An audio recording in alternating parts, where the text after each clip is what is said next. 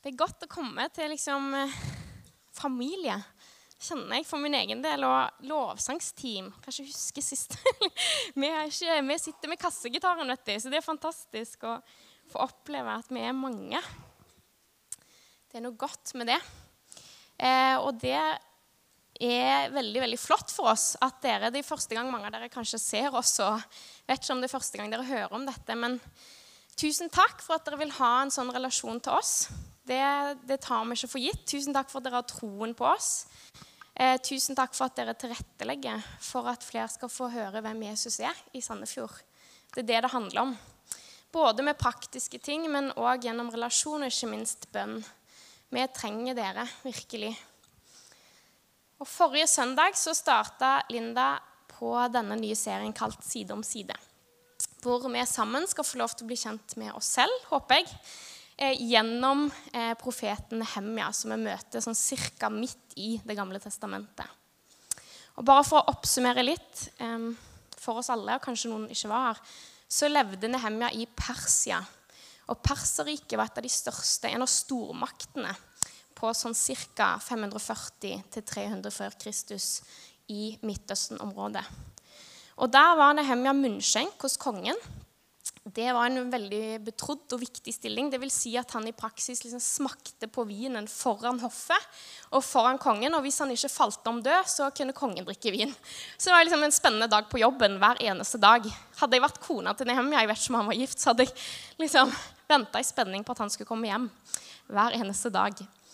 Og han, eh, som Linda starta med og fortalte mye om sist uke, han fikk en veldig sånn rystende beskjed av broren sin Hanai når han kommer på besøk med siste nytt fra Jerusalem. Folket har havna i eksil, noen er fortsatt hjemme.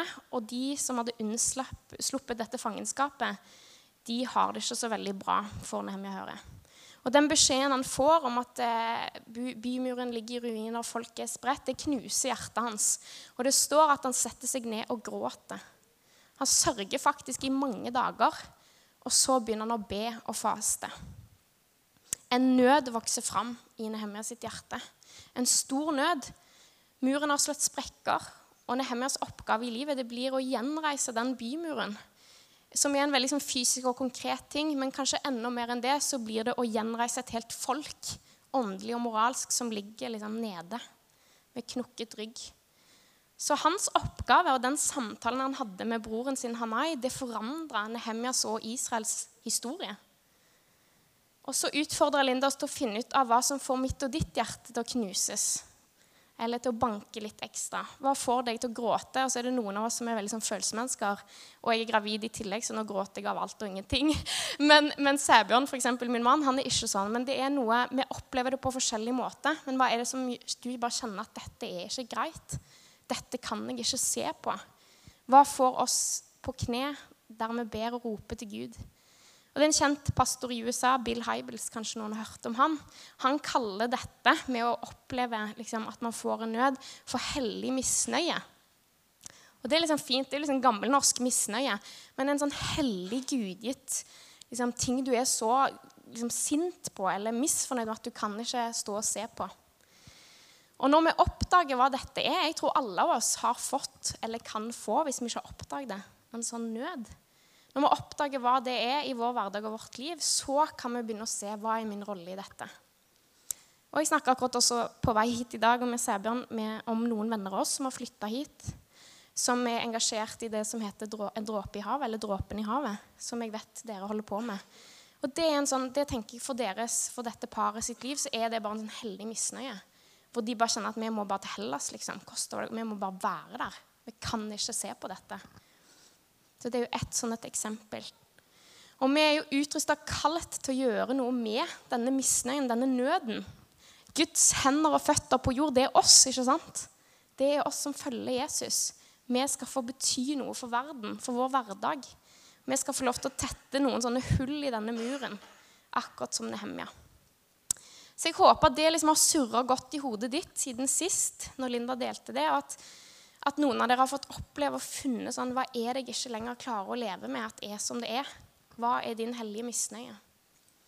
Jeg håper at dere fikk sånne aha-opplevelser og bankende hjerter, eh, og at dere har begynt å tenke på sånne ting som også ligger på Guds hjerte. For i dag så skal vi bevege oss litt videre i historien om Nehemia. Og se at når vi har funnet denne nøden, denne misnøyen, som Gud ofte planter i hjertet vårt, og som driver oss til handling, ja, da, da er det jo ikke sånn at det alltid er liksom grei skuring derfra og ut. Da trengs det mot. Himmelsk og gudgitt mot. Og Nehemja han var en utrolig modig mann, syns jeg. Nå Når jeg i det siste har liksom lest denne boken på ny, så tenker jeg bare åh, for et forbilde for meg på det med å være litt modig. Det er ikke et ord jeg ville beskrevet meg selv med hvis noen hadde spurt ja, hvem er Rebekka. Så hadde jeg sagt nei, jeg er snill og engasjert. Og, liksom. Men jeg hadde ikke sagt jeg er veldig modig. Det er ikke et ord jeg hadde putta på meg selv. Og vi kommer ikke så veldig langt ute i historien før Nehemja må vise dette motet første gang. Han jobber jo som sagt hos Munnskjenk, hos kongen i Perserriket. Og er, kongen er jo en mann som har ubegrensa innflytelse og makt på denne tida, i og med at Perserriket var et av de største herredømmene. Og så velger han å utnytte denne posisjonen overfor kongen. Men det er noe i teksten som forteller meg at det både kosta og krevde at han valgte å være modig. Så vi skal lese sammen fra kapittel 2, eh, vers 1-6. Jeg skal lese for dere. Det var i måneden Nisan i det 20. året til kong Artaxex. Jeg tok vinen som sto foran kongen, og ga ham. Han hadde aldri før sett meg nedtrykt. Kongen sa til meg, 'Hvorfor ser du så nedtrykt ut? Du er da ikke syk?' 'Dette kan ikke være annet enn hjertesorg.' Jeg ble svært redd og sa til kongen, 'Lenge leve kongen.' Skulle jeg ikke se nedtrykt ut når byen der fedrene mine har gravlagt, ligger øde, og portene er fortært av ild? Kongen sa til meg, Hva ønsker du? Jeg ba til himmelens Gud.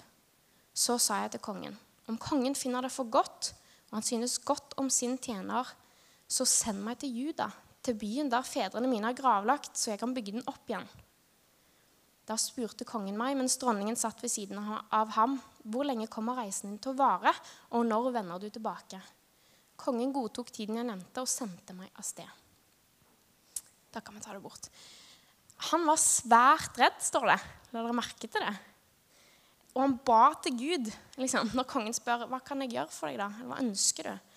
Så det eneste han kan gjøre, tror jeg, i den redselen, er at han ber til Gud, og, og så får han et mot som gjør at han spør kongen om å få lov å reise hjem.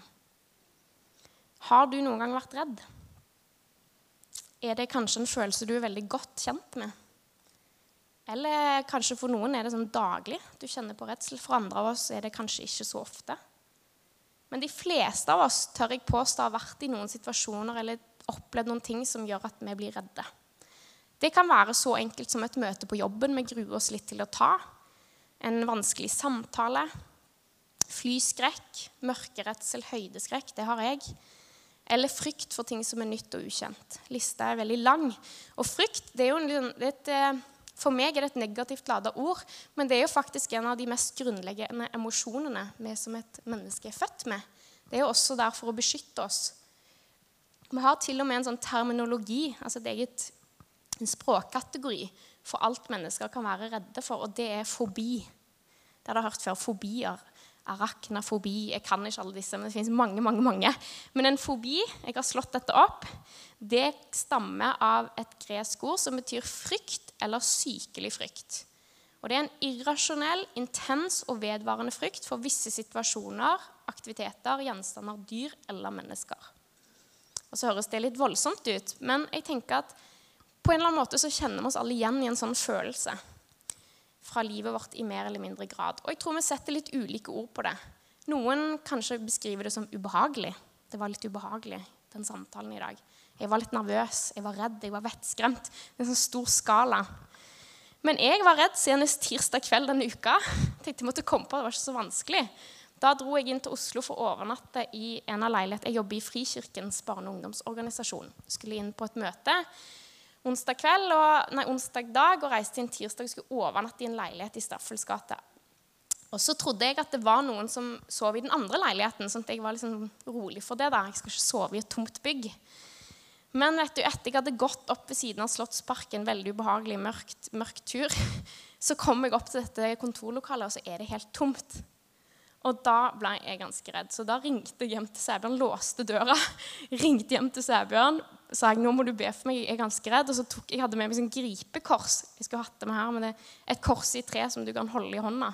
Og så la jeg meg med det, liksom, og så tenkte jeg ja, ja, jeg er tross alt i Staffels gate. For de av dere som ikke er så kjent, så er det jo et sted hvor kristne har tilbedt Gud i all tid. sant? Så jeg bare, jeg er i et bygg hvor det har blitt bedt mye til deg, Jesus. Nå må jeg få sove. Så sovna jeg. Så det er min nyeste fryktopplevelse. Men det er ikke ukjent tror jeg, for noen av oss. Og Nehemja han ble veldig veldig redd når han skjønte hva han faktisk måtte gjøre. Men så skjer det noe, som jeg sa. I vers 4 så ber han til himmelens Gud. Og så tør han plutselig å spørre kongen om å få reise hjem. Og det er ikke nok med det at han liksom spør kan jeg få lov å dra. Han blir liksom nesten liksom overmodig og kjører på. Kongen har gitt han tillatelse til å dra og bruke lang tid på å gjenreise murene i Jerusalem. Men så spør han om enda mer. Ikke bare én ting, men to. Og det skal vi lese om i vers 7 og 8 her på skjerm.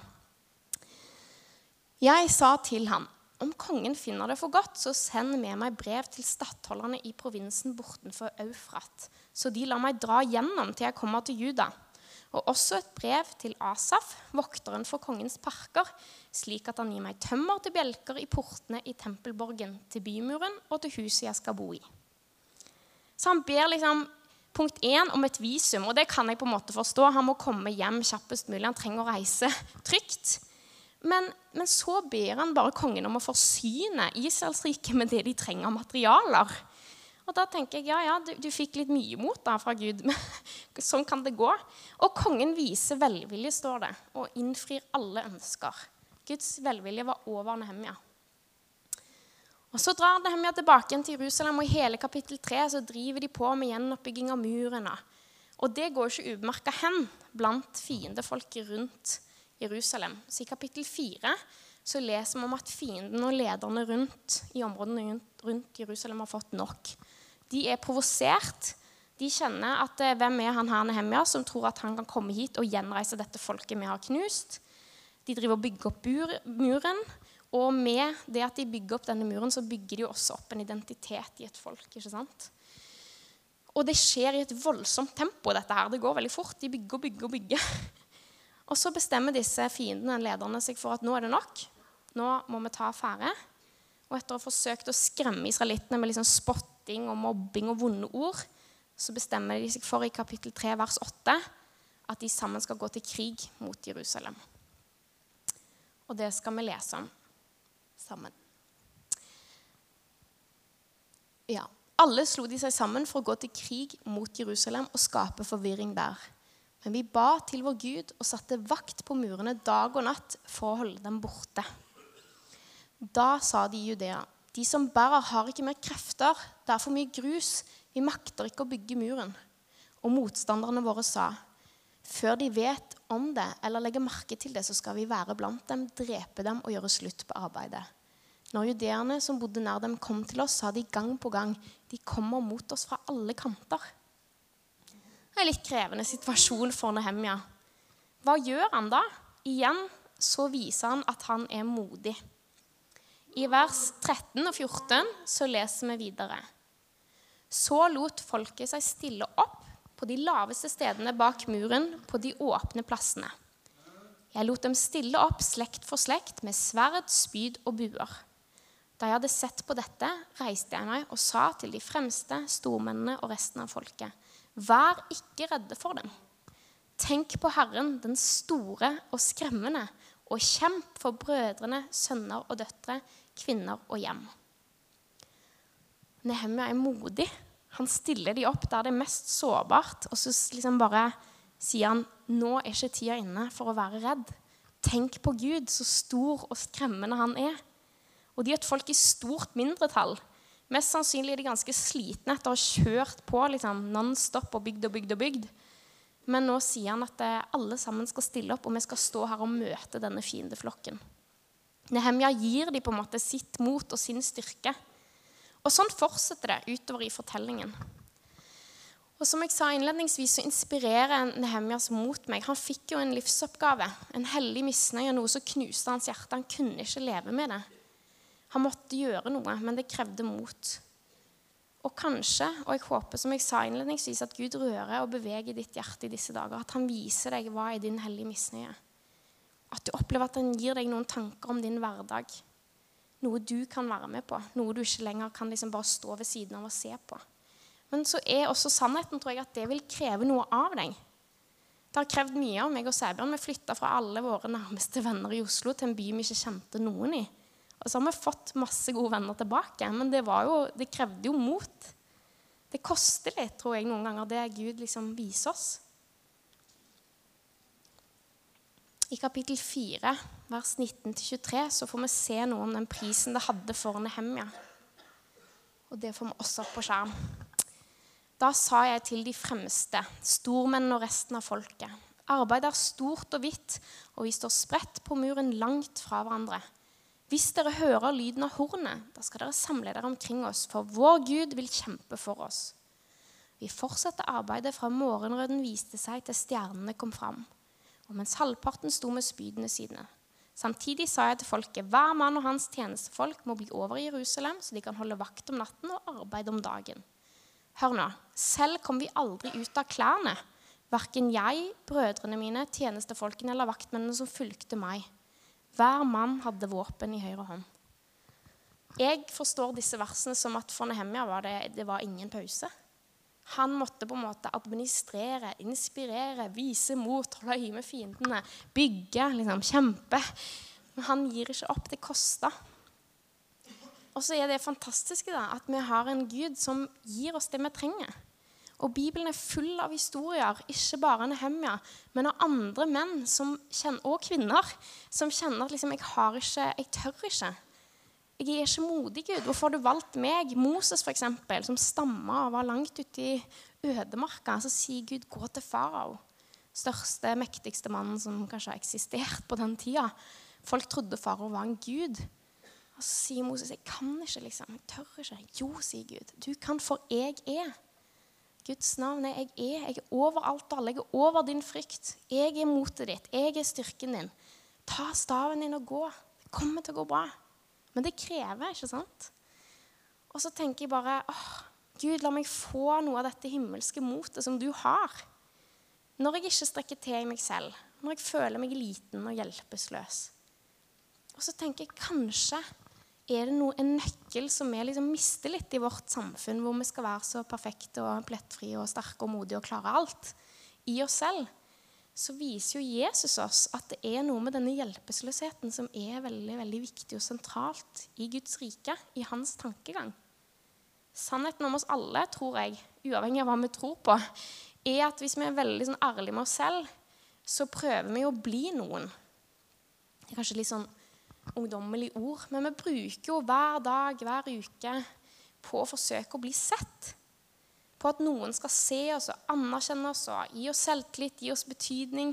Vi leter etter det, vi vil alle ha det. Og så tenker jeg Det er jo noe som ligger i oss. Det er ikke noe galt med det. Men på en måte så blir det et sånn slitsomt kappløp vi alle liksom har hengt oss ufrivillig på. Hvor vi leter etter vår betydning i livet, og at vi vil bli noen. Det kan dreie seg om for noen hva vi oppnår, prestasjoner, hva vi eier, hvem vi kjenner, utseendet vårt, hvilken bil vi kjører, Facebook-venner, hvor mange likes vi får på Instagram, hva jeg jobber med, hvilke karakterer jeg får på skolen. Det er liksom tusen sånne ting vi henter identitet og anerkjennelse fra. Og så, kan jeg, jeg sånn, kan det hende vi har misforstått noe? Fordi veien til å bety noe handler jo om noe annet ifølge Jesus. Det handler om noe annet enn å oppnå noe. Det handler om kanskje det stikk motsatte. En tilstand av hjelpeløshet. Og Det fins to steder i Det nye testamentet hvor Jesus snakker om Guds rike. Og Han gjør liksom tydelig for oss noe om at vi trenger å endre, endre vårt fokus. Og Det er i bergprekenen, saligprisningen, det står i Matteus. Dette skal bare jeg lese for dere. Da står det 'Salig er de som er fattige i seg selv' for himmelriket er deres. Og Så står det lenger ute i Matteus 18.: Sannelig, jeg sier dere, uten at dere vender om og blir som barn, kommer dere ikke inn i himmelriket. Og Så kan man tenke, ja, mener Jesus da at alle skal bli fattige? Sånn fysisk sett, materielt. Det er noen som tolker det dit. Men, men hva er det de fattige og barna egentlig har til felles. Jeg, meg og Seibjørn er foreldre til en liten gutt på 16 måneder heter Lukas, som er med besteforeldrene sine i dag. Og han, han, han, viser meg veldig godt hva det vil si å være hjelpeløs. Han klarer jo ikke engang å ta på skoene sine selv. Altså, Han klarer ingenting. Han lærer stadig mer og mer, men han er helt hjelpeløs. De fattige romfolket som sitter, ikke for å si at de ikke har ressurser i seg, men de trenger hjelp. De er avhengig av at noen kommer og tar dem i hånda, ser dem inn i øynene en tilstand av hjelpeløshet. Og det er det motsatte av å prøve å bli noen i dette livet. Jeg mener om det. det har, de, har måte, de, har ingenting å gi, ingen trofeer å vise til, ingen likes. De kan bare ta imot. Og Guds rike er en sånn gave, frelsens gave til oss mennesker. Det er gitt av nåde, altså av det gratis, gitt av kjærlighet. Alt vi må gjøre, er å snu hendene våre og liksom ta imot. Fordi at jeg er ingenting, men jeg kjenner en Gud som har valgt å si at mitt navn er 'jeg er'. Prikk, prikk, prikk, liksom. Jeg er nok. Jeg er alt. Jeg er mektig. Og da tenker jeg sånn Men da har jeg jo misforstått hvis jeg løper rundt i livet mitt og leter etter noe jeg allerede har. For når Jesus døde for meg og deg på korset, så har vi allerede der fått en iboende verdi. Og det tror jeg er korsets budskap. på en måte. Altså Det Jesus har gjort for oss, det er at han sier du er uvurderlig. liksom. Du er viktig. Du er ikke rangert. Du er redda. Det er konstant. Slutt å streve. Bli litt hjelpeløs. For når du blir det, så kommer jeg. Og jeg er her. Jeg bare venter på at du skal si liksom Ta plass. Hjelp meg. Jeg klarer ikke selv. Jeg orker ikke dette styret. Og Nehemja viser oss kanskje ikke liksom så tydelig, men jeg syns å ha funnet det i disse versene at han var helt avhengig av at Gud ga han mot til å spørre kongen om å få lov til å sette i gang med sin livsoppgave. Han var jo helt hjelpeløs i sin egen kraft. Han var en fange i et annet rike. En, en flyktning, en utlending. Han var redd. Men han ba til Gud, og Gud svarte og ga han mot. Og På samme måte så tror jeg at Gud vil gi oss det vi trenger i alle situasjoner hvor vi kjenner oss små, redde, hjelpeløse, at vi ikke strekker til. Vi må bare be ham, snu blikket mot ham, gi han en tanke.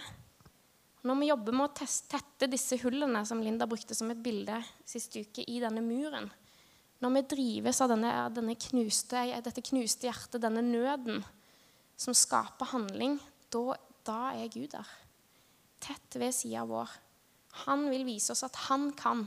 Han er stor nok, han er mektig nok, han har svar. Han har motet, han har styrken, selv når det koster.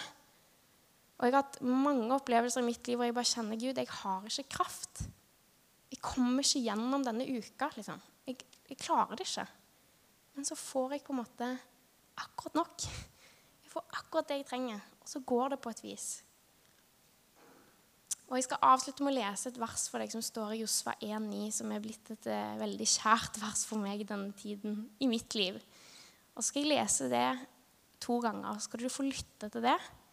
Og etterpå så skal dere få lov til å Da kommer lovsanger opp og begynner å spille, og så kan dere gå og tenne et lys i lysgloben som står der nede ved døra, skrive bønnelapper ved miksepulten eller søke forbønn på høyre side for dere nede ved korset. Kanskje du trenger litt ekstra mot i livet ditt. Kanskje du har lyst til å tenne et lys for en sak du kjenner bare rører hjertet ditt, som du ikke vet veien inn i. Bruk den anledningen, og så skal du høre hva Gud sier til oss. Jeg har jo sagt deg, vær modig og sterk. La deg ikke skremme, og mist ikke motet. For Herren din Gud er med deg overalt hvor du går. Jeg har jo sagt deg, vær modig og sterk. La deg ikke skremme, og mist ikke motet. For Herren din Gud er med deg overalt hvor du går. Amen.